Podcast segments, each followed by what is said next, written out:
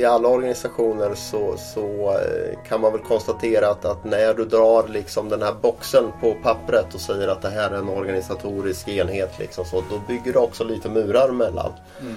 Eh, och det tror jag är fördelen också. Vi var inne eh, lite på det förut också kring just det här att, att ja, men innebär det att det är två chefer som gör en chefs jobb liksom tidigare. Och, och, så tror jag inte man ska se på ett delad ledarskap. Utan man ska se det som en möjlighet kanske att kunna då organisera någonting som blir större där du egentligen suddar bort mycket av den här eh, ja, men de här stuprören som, som annars uppstår när du ritar rutorna på pappret. Då. Så att, det blir väl en, en skillnad att nu är det inte nu är det inte min verksamhet och Lennarts verksamhet utan nu är det våran verksamhet där vi gemensamt tar, tar ansvar för en större helhet.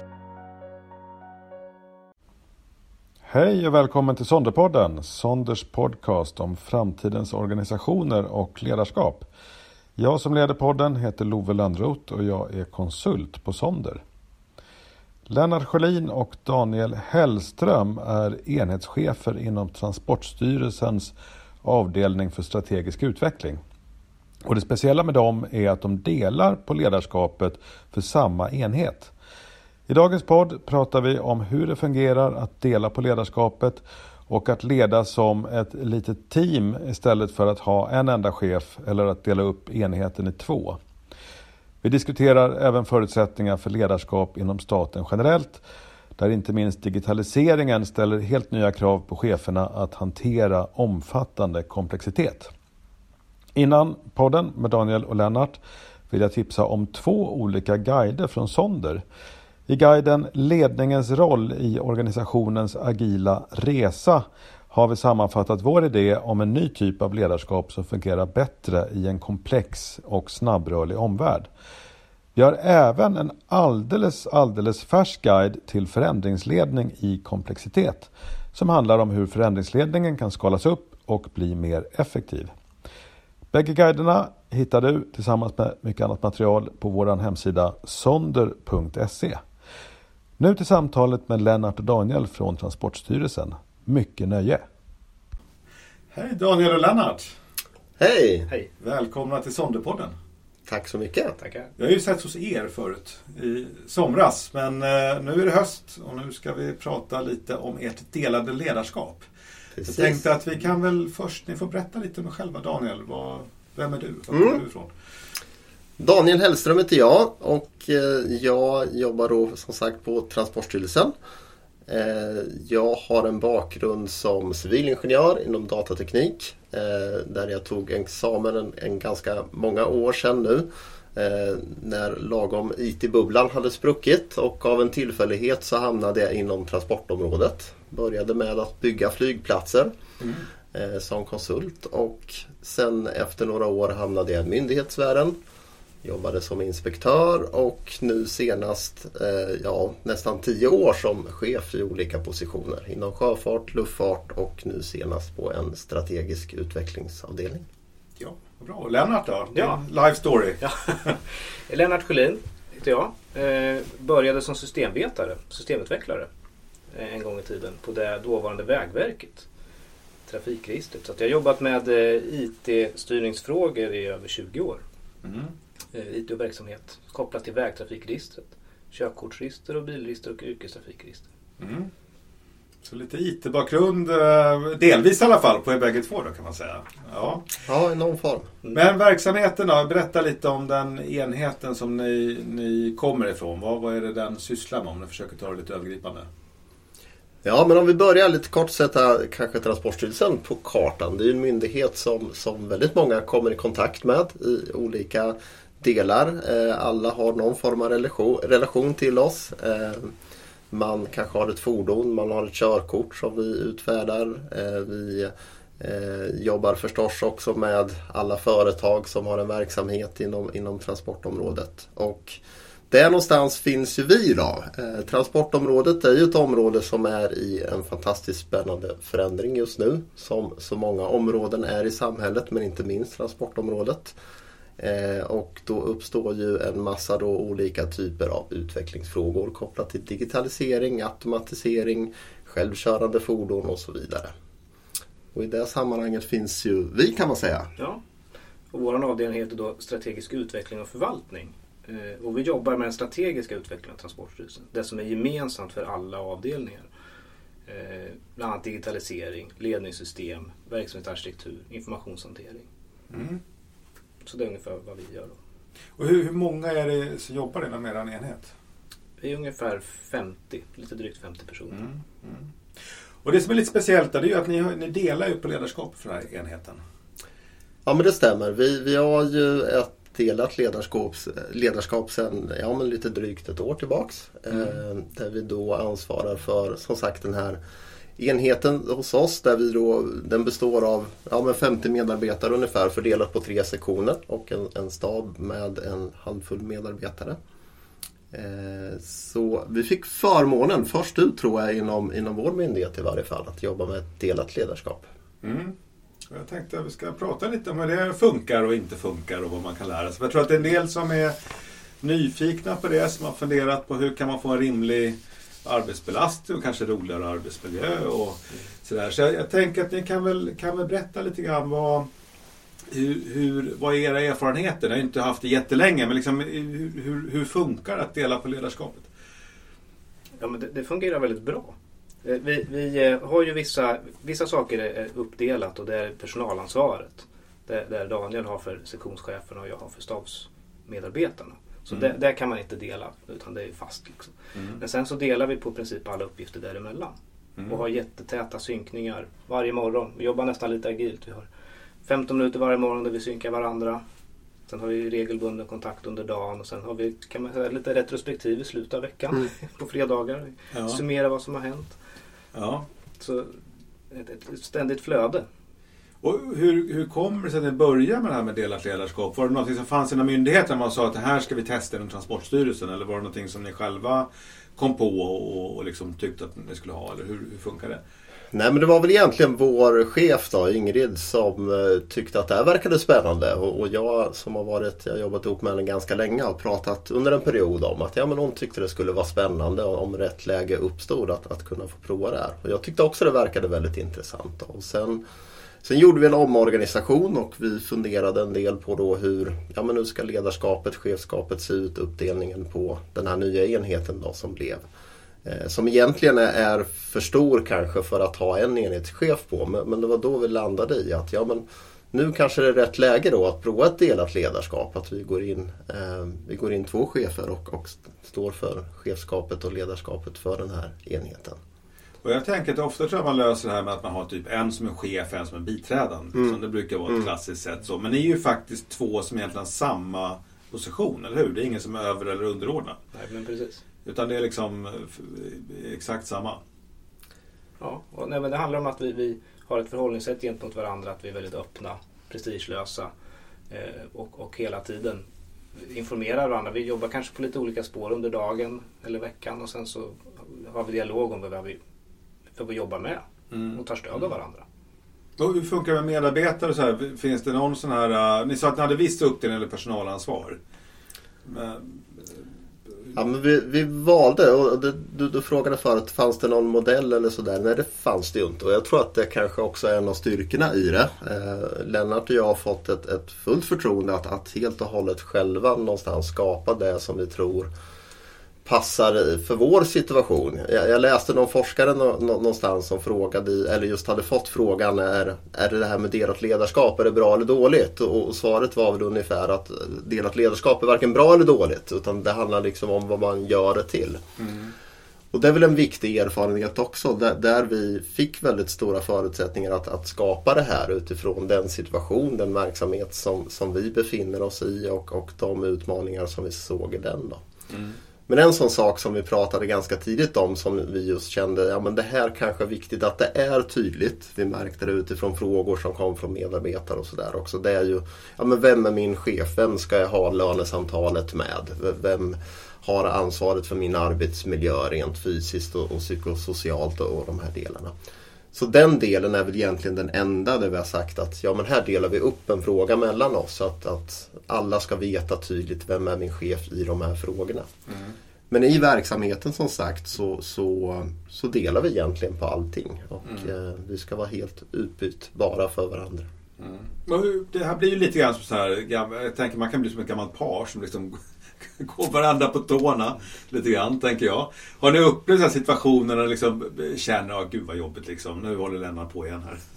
eller nu håller Daniel på igen. Alltså, har ni, har ni, eller, eller är det som att det liksom flyter på att relationen funkar? Förstår du vad jag menar? Liksom, det här, om man jämför med att, om jag själv och bestämmer liksom, som chef så liksom, ja, jag får ta allt, både det, det onda och det goda på något sätt. Liksom. Men mm.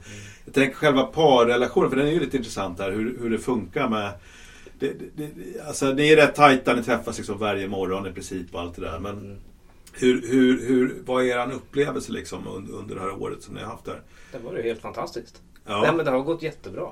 Sen är vi på olika orter så vi umgås ju digitalt hela tiden. Mm. Det är ju väldigt sällan vi ses fysiskt. Mm. Så, så, så är, eh, vi har lite liksom, huvudfokus på våran ort. Eh, där vi kan ha örat, man är på kontoret, man hör lite mer. Mm. Eh, så, eh, men i övrigt så, så fungerar det otroligt smärtfritt. Ja, men jag tänker man, man, man, pratar ju ofta idag, det gör vi och det gör inte minst ni på Sonder, så kring, kring teambaserat liksom arbete och, och man ska jobba tvärfunktionellt och, och agilt och liksom sådär. Men, men vi pratar väldigt sällan, åtminstone inte där vi har varit i just chefsrollen. så.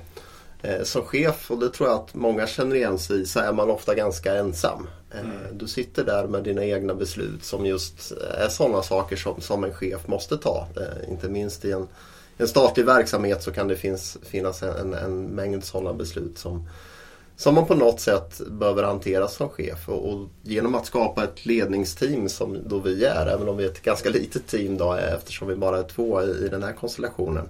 Eh, men då får man ju styrkan ändå av att, att jobba i ett team. Mm. Vi har olika perspektiv på frågor och vi kompletterar varandra på, på ett bra sätt. Så vi har väl inte hamnat där, åtminstone inte känner jag så, eh, att, att vi stör oss på varandra riktigt än. Men jag tänker Daniel, du hade ju varit chef innan i olika verksamheter också. Så här, liksom. Om du jämför det här nu kontra liksom när du varit ensam chef. Mm. Vad, vad, är, vad är den stora, eller kanske är det också Lennart, men liksom, jag tänker, vad är den stora skillnaden om ni tänker liksom rent praktiskt? Men jag tror att, att det, det, kan se lite, lite olika ut. Jag tror att det är många, när man just pratar om det, är många som är nyfikna på när man, man säger att man har ett delat ledarskap så, så, så är det väldigt många som kanske har jobbat eh, någon form av nära samarbete. Du var inne lite på det själv, men kanske inte så formaliserat mm. eh, som vi har valt att göra det här och nu. Då. Så att det har nog sett lite olika ut. Ibland upplever jag, precis som jag var inne på, att man har varit ganska ensam som chef. Det, det är en väldigt stor skillnad. Eh, men även där man har varit i ett sammanhang där, där man har haft nära chefskollegor och så. så nu har vi skapat det, det, som Lennart var inne på förut, arbetsformer också för det på ett helt annat sätt. Det vill säga man har den här strukturerade, man startar varje morgon med ett, ett samtal med med varandra. Där vi går igenom dagen, gårdagen, vad är aktuellt just nu, synkar eh, i, i, olika frågor. Mm. Eh, så att det har ju blivit på det sättet ett betydligt mindre ensamt arbete och en mycket trevligare arbetsmiljö skulle jag vilja säga som, som chef och ledare. Är ni mer närvarande också för medarbetare? För tänka en, ett eh, dilemma, och det gäller ju både statlig verksamhet och annan verksamhet, det är ju att ofta så upplever man chefen kanske är inne på morgonen, sen försvinner chefen iväg hela dagen i olika möten och styrgrupper och grejer och är liksom aldrig närvarande. Har ni, har ni någon sån uppdelning att ni har någon av er som tar mer utav eh, sådana grejer och någon som är faktiskt mer närvarande med era medarbetare? Eller liksom hur, hur, finns det några sådana grejer som ni har, har jobbat med? Det, ju, det handlar ju om tillgängligheten till sektionscheferna i, i första hand och sen för stabens medlemmar. Eh, men, men, och där har vi ju en, en jättebra nära kontakt med sektionscheferna. Mm. Så vi har uppfattat att de tycker att det är en bra eh, till, tillgång till oss. Och de kan alltid ställa frågor till någon av oss och vi tar ansvar och synkar med varandra. De, mm. de behöver inte fundera på det. Eh, så, så, det är ju en, en, stor nytta med det. Och sen är vi med i, tack vare att vi är två, kan vara med i verksamhetsfrågor mm. eh, och bidra eh, och stötta. Och mycket av vårt jobb handlar ju om att ha kontakter med med eh, de olika avdelningarna på Transportstyrelsen för att undanröja hinder om det uppstår frågetecken mm. i våra arbeten som vi gör. Då. Mm. Mm. Frågor. Vi har haft stöd också av, av, vår personalavdelning under det här arbetet som också har följt det här eftersom det är första gången vi gör det på det här strukturerade sättet. Så, och jag vet att den utvärdering som, som man gör där den visar ju bland annat också på att, att det upplevs som att tillgängligheten faktiskt har ökat. Så nu finns det ju helt plötsligt två personer man kan vända sig till. Då, så att även om vi precis som du är inne på, man går på olika styrgrupper och möten av olika slag så, så sannolikheten att någon finns tillgänglig är ändå dubbelt så stor när vi är två som ändå kan, kan dela på det och finnas där. Mm. Eh, så det är väl också en av styrkorna just att, att eh, det blir lättare att, att få tag på någon av oss. Finns det områden ni ser att ni kompletterar varandra? Alltså tydligt, jag tänker rent personlighetsmässigt eller liksom hur ni funkar. Alltså där, där det finns just det här faktum att ni liksom är ett litet team. Att ni kan, kan lösa det bättre när, när ni är två. Ja, det, det är väl... Vi är, vi är ju väldigt eh, ja, o, o, olika till, kanske till sättet. Jag är kanske lite mer, eh, so, liksom inte social, men liksom det här ordna, fixa, boka... Eh, Mjukare frågor. Mjuka frågor. Ja. Hålla relationer och sånt, ja. eller? Ja. kanske det, ja. ja. Så där är vi kanske lite olika. Det kan väl vara ett. Ja, men jag, precis så. Det, det, det, det jag tänker är viktigt någonstans i grunden det är väl att man har eh, no, man, man, drivs av samma värderingar. Eh, man har en gemensam inriktning på, på ledarskap och så. Det har vi ju verkligen hittat att, att den grunden står vi på. Mm. Sen som sagt som personer så är vi lite olika. Ehm, vi har lite olika styrkor och, och svagheter som vi alla har. Och, och där tycker jag vi kompletterar varandra väldigt, väldigt bra. Mm. Händer det att den blir ifrågasatt? Jag tänker om i sammanhang där, där det är nytt, där man inte känner, liksom känner till det här med delat ledarskap så att säga. Att, att man undrar över, jaha, ni är två liksom som är chefer, hur funkar det då? Vad, vad, har ni varit med om sådana liksom, tillfällen? Internt i myndigheten eller externt? Jag har inte fått höra det i person så. Nej. Ja, men det som var lite, lite från början tror jag, det, det var väl när det här var nytt. Då, då, då var det väl en del som tänkte, jaha ska jag boka in er båda nu på varje gång jag behöver prata med någon? Eller, ja men den här styrgruppen ingick ju du Daniel i tidigare. Ska både Daniel och Lennart vara med nu? Så ja, man, man tänkte ja. att eh, ja men nu är det ju två chefer, nu måste ju båda vara med på allting. Så, så det, det, det, kunde vi, eller fick vi nog vara ganska tydliga med från början så att, att ja, men, det här innebär ju att, att vi, vi tillsammans utgör den här funktionen så och det, det, är inte upp till er andra runt omkring oss att, att synka oss i olika frågor utan det är faktiskt Lennarts och mitt ansvar. Ja. Ni kan prata med vem som helst av oss. Vem som helst av oss kan delta i en styrgrupp eller vad det nu handlar om. Eh, sen är det upp till oss att vi ser till att vi synkar oss, att vi har samsyn i frågor och sådär. hur funkar det till exempel mail? Får ni så här, man skickar alltid mail till bägge eller? Eller är det så att, att ni... Jag tänker det brukar vara klassiskt där. Alla, man ska kopiera in alla som kan tänkas vara berörda i ett mail. Liksom. Nej men så är det nog inte. Utan vi, är det någon fråga som, då informerar vi varandra. Mm. Om man mm. driver på den frågan. Så att det, det, som sagt, det är vår uppgift att synka oss. Ja. Jag tänker överhuvudtaget, eh, det händer ju mycket i statliga myndigheter och inte minst Transportstyrelsen. Just nu när vi gör den här podden så handlar det mycket om A-traktorer har man läst i tidningarna. Eh, det kanske inte gör när podden släpps. Eh, men det kan vara en annan fråga. Tidigare har det varit liksom ert eh, stora vägregister har varit på tapeten och så här. Liksom. Det, det händer ju grejer. Men jag tänker, finns det några särskilda, om man tar generellt, liksom ledarskapsutmaningar, liksom sådana utmaningar som ni ser som, som, som är, är just inom statlig verksamhet, inom den typ av, av verksamhet som ni bedriver. För ni jobbar ju i en myndighet som liksom har väldigt övergripande ansvar för väldigt många olika frågor. Mm. Um, har, ser ni att det finns några särskilda utmaningar där som ni eh, har, har, har tänkt att det här är fasen skönt kanske att man är två då också och tar sig an det här? Ja, men det är ju, verksamheten i sig är ju komplex. Uh, och det är ju det ställer nya krav och en, en ökad flexibilitet i ledarskapet. Mm. Eh, och, och någonting vi pratar mycket om det är förändringsledning. Det jobbar vi mycket med. Mm. Eh, vi förändringsleder ju i, i myndigheten i, i, interna förändringar för att vi ska kunna leverera bättre mot kund. Mm. Eh, och där tror jag eh, vi, det ställs nog större krav på det att kontinuerligt jobba med förändringsledning framåt. Mm. Det, man, man, det är ju hela tiden en omställning i samhället. Eh, digitalisering sätter nya krav på organisation och medarbetare till exempel. Och, eh, ja, så det är väl en sån del vi ser. Mm. Och, och, där är det ju, och, och då frågor kan ju ta tid. Eh, för det handlar om att, att man ska förändra kulturen. Och det kan ju ta flera år. Mm. Då ska man vara uthållig. Och jag tror det här, den här typen av ledarskap som vi har gör skapar förutsättningar för att vi ska bli uthålliga. Mm. Kan det också vara så att någon kan jobba lite mer med förändringsarbete och någon jobbar mer med så att säga, förvaltande uppdrag? Alltså, har, ni, kan ni se någon sån fördel att man kan lite dela upp sig? För jag tänker att annars så blir det lätt lite schizofrent, inte minst statlig verksamhet numera, när man ska liksom göra allt samtidigt. Mm. Man ska både förändra jättemycket och samtidigt ska man leverera liksom enligt det man har. Alltså, finns det någon sån grej ni har sett att här eh, underlättas det?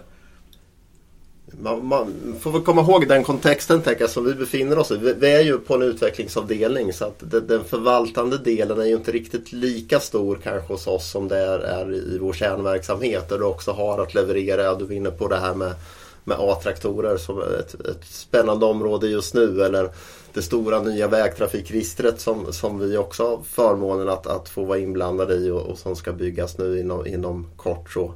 Eh, så det är en, en, en ganska stor komplexitet liksom så. Men vi sitter ju ändå i en utvecklingsverksamhet där fokus är väldigt mycket på utveckling. Och det är ju på det sättet kanske mindre av den här traditionella förvaltande som vi har att brottas med. Däremot så behöver ju vi ha, ha den här helhetssynen kanske över vad är utmaningarna i vår kärnverksamhet och det kräver ganska mycket tror jag, av, av vårt ledarskap och, och, och som vi lägger väldigt mycket energi på. Det är ju någonstans att vara samtidigt som vi är på en utvecklingsavdelning också leva tillräckligt nära också vår kärnverksamhet så att man förstår de utmaningar som, som kommer med nya regelverk med, med digitaliseringsfrågor eller vad det nu kan handla om. Då. Mm. Jag tänker så här relationella, liksom att hålla relationerna till, till om man kallar det kärnverksamhet. Ja. Så. För det brukar också vara ett dilemma man jobbar med utveckling och med, eller med innovation och utveckling och såna grejer. Man kan ju lätt bli lite sån här bubbla som liksom lever sitt liv.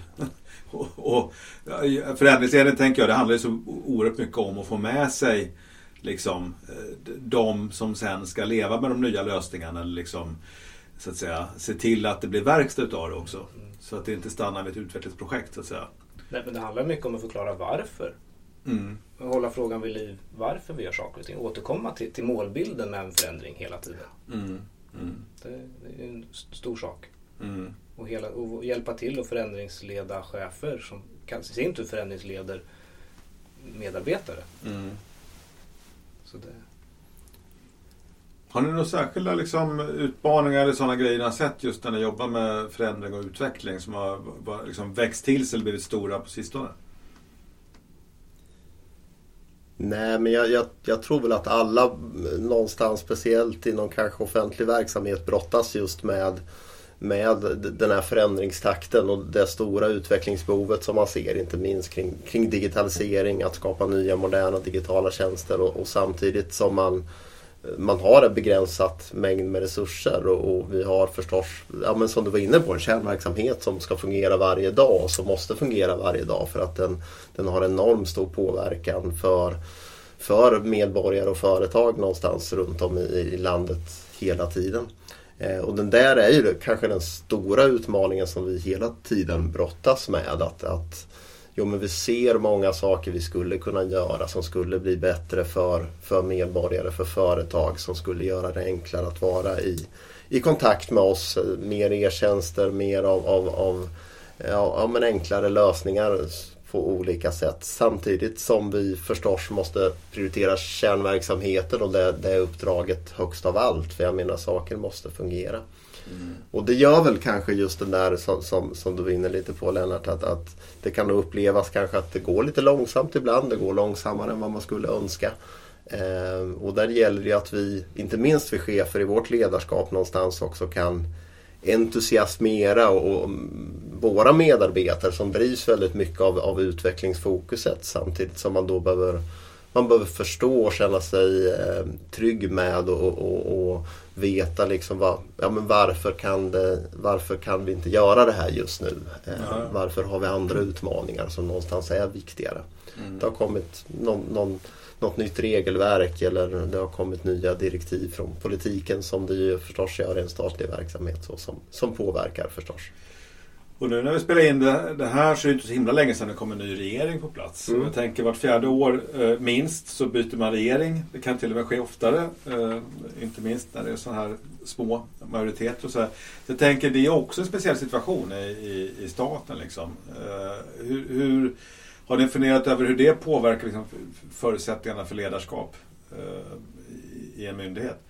Det här liksom, för det kan bli ganska snabba lappkast. Eh, rätt som det är så kan man ju bestämma om man lägger ner myndigheten eller man slår ihop det med någon annan. Eller bara liksom startar ett gigantiskt projekt. Ehm, eller, eller går ur EU eller går med i EU. Eller, jag vet inte. Jag tänker det finns ju NATO kanske påverkar. Jag vet inte. Men jag, jag tänker hur, hur eh, vad, vad, vad, ser ni några särskilda grejer där som, som ni har funderat över själva? Liksom? det, det, kan ju komma, oavsett regering kan det komma snabba puckar. Och, och så det, det, är nog inte kanske kopplat till regeringsbyten men eh, det avstannar en liten stund innan och sen är det under själva regeringsbytet är det stiltje, sen drar det igång igen. Mm. Oavsett. Eh, sen kan det vara olika frågor som prioriteras och är viktiga men, men eh, ja, det är ett ständigt flöde av, av eh, reformvilja. Sen kan mm. den se olika ut. Mm. Nej, men vi, vi pratar ju rätt mycket och det tror jag man, man gör generellt i de myndigheter. Men jag menar den här statliga värdegrunden någonstans, demokratiuppdraget som, som ja, det kanske kan låta lite floskelaktigt men, men som ändå är så viktigt tänker jag någonstans. Att man måste förstå i vilket sammanhang man verkar i. Eh, som är ju faktiskt lite, lite eller ganska stor skillnad kanske emot att vara ledare och chef in, inom då en, en, en företagsbaserad liksom, logik och en marknadslogik. Liksom så. Och, eh, där måste man någonstans ha med sig i ledarskapet att ja, men det, det politiken vill och det politiken någonstans kommer med det, det bottnar ju någonstans i det demokratiska systemet. Det, mm. det, är ju faktiskt vad vi medborgare har sagt att vi vill åstadkomma. Mm. Och då är vi någonstans ett verktyg, ett redskap i, i många delarna eh, för att, att kunna kunna ås åstadkomma det som politiken vill. Mm. Så det måste man ha med sig också och inte se som en belastning utan faktiskt istället det är ju en, en, en, eh, förutsättning. en förutsättning och någonting ja. som också så tillför en, dimension skulle jag vilja säga som, som har varit inom staten ganska länge nu. Att, att, att ja, men det, det, ger en mening i jobbet också. Det är ju en väldigt samhällsviktig uppgift som vi på myndigheterna har. Får, får ni ofta in medarbetare som kommer utifrån, som inte har jobbat i myndighet och som har svårt att ta till sig den här dimensionen? För jag tänker ofta så klagar man på att myndigheter det är ganska trögt. Det blir väldigt eh, lagstyrt, regelstyrt mm. så att säga. Mm. Sånt där. Liksom, har ni, har ni sådana utmaningar som, som ni upplever? Eh, alltså att ni måste förklara för, för folk, det kan ju också vara ja, utomstående överhuvudtaget, men liksom att, hur det liksom funkar i staten om man är helt ny och inte har jobbat i statligt så är det inte alltid en omställning. Men, men då jämför med ett stort företag som är, är de också ganska regelstyrda. Och, eh, och inom finansbranscher och annat så är det ju det är inte så att det saknas regler. Nej. Så jag tror inte vi är helt unika heller utan det, det handlar om att landa i en kontext. Som, där, där, som säger, vi, vi jobbar med demokratiperspektivet eh, att uppdraget är ju något större än myndigheten. Det är till för samhället. Mm. Det... Jag brukar faktiskt, ungefär den frågan som du ställer till oss nu, brukar jag alltid ha med mig på anställningsintervjuer. Liksom, så för att ställa den frågan redan i det skedet om man, om man har reflekterat över det. kan ju vara att man kommer från en kommunal verksamhet eller från en privat verksamhet eller från en annan statlig verksamhet. Men, just om man, om man har reflekterat kring vad, vad skillnaden är. För skillnaden finns ändå där eh, och jag tror att man behöver man behöver åtminstone ha tänkt igenom vad det innebär för uppdraget. Mm. Sen, sen tror jag precis som du säger att, att i grunden när man ser på en kanske ganska hierarkisk struktur och, och, och, ett antal liksom saker som man måste ta hänsyn till, interna regelverk och mycket annat sånt. Det, det kanske inte är helt olikt ett, ett större privat för, företag också. Men, men, eh, det skiljer kanske som, ja men om man tar som Sonder som exempel, eh, ett konsultbolag så är det klart att, att, eh, att det kan se väldigt annorlunda ut. Mm. Ja, men det är klart, det blir skillnad på en stor verksamhet och en mindre verksamhet ja, och allt det precis. där liksom, och, och, inte vara lika lagstyrt. Har ni funderat någonting över hur skulle det varit om ni hade istället delat på den här enheten i två? Delat upp frågor och så hade ni haft varsin mindre enhet istället. Hade det funkat lika bra? Liksom, vad, vad hade varit den stora skillnaden om, om det hade gjort så? Ja, det var så det var innan. Ja. Så, så då vet vi hur det var. Men det blev lite mer att, att man körde sina spår. Man, man, man visste ju mindre om varandras områden. Mm. Skulle jag säga.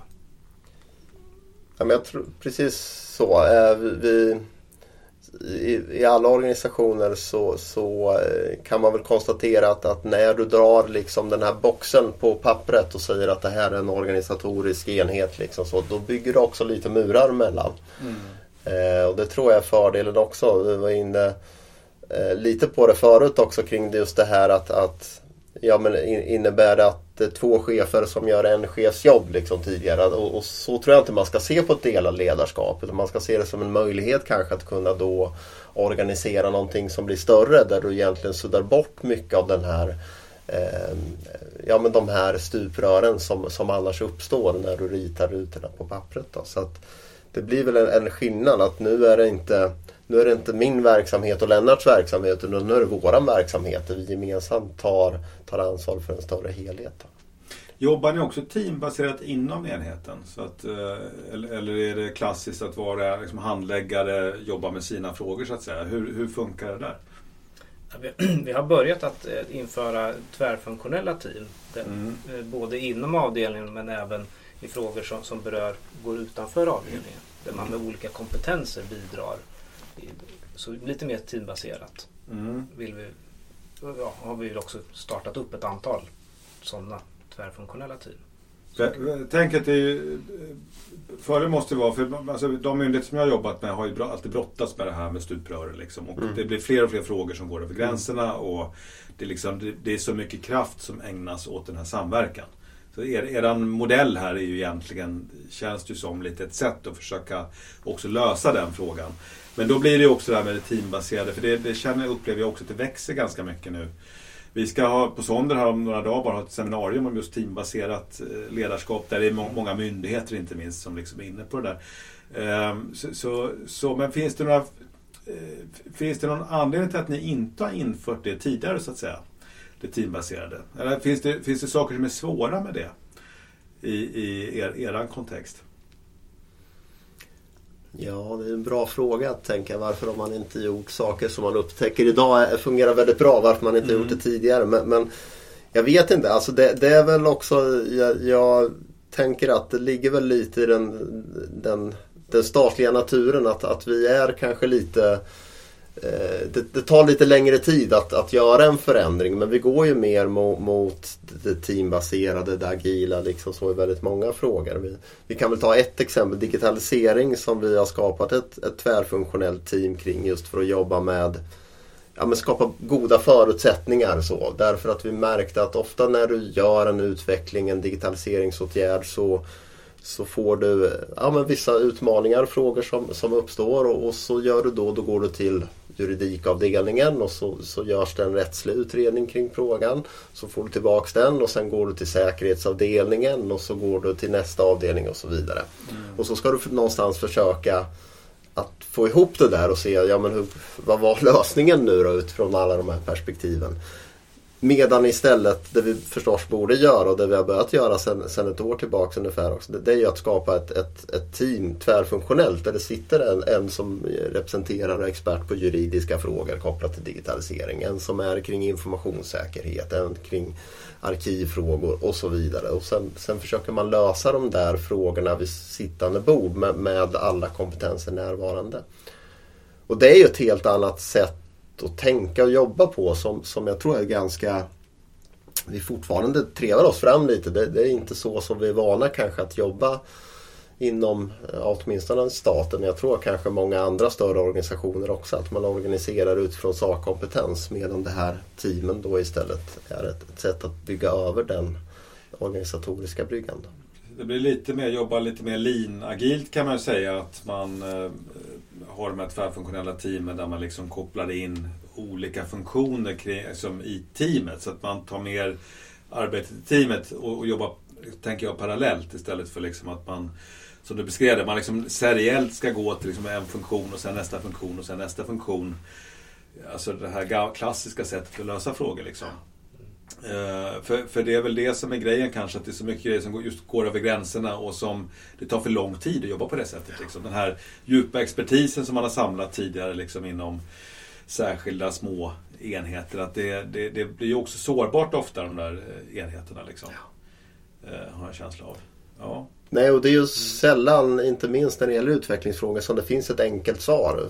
Så, utan det, det behövs ju vägas en massa olika perspektiv och, och, och utifrån det sen landa i en lösning. Då. då experterna i, i, sig är ju förstås jätteviktiga att de finns där som har djup sakkompetens inom en viss fråga. Men, men det vi ser att vi mer och mer behöver förstås jobba över de sakområdesgränserna också på ett annat sätt. Mm tänker det, det, ja, det är mycket man kan fråga om, men det börjar time att lite, lite runda av. Men jag, jag, jag tänker att eh, eran prognos här, ser ni att det kommer, tror ni att det kommer vara fler enheter likt eran inom Transportstyrelsen som har delat ledarskap? Och tror ni att det här kan liksom bli en trend, eller att det är en trend som ni ser redan nu i, inom statlig verksamhet, att man liksom jobbar på det sättet?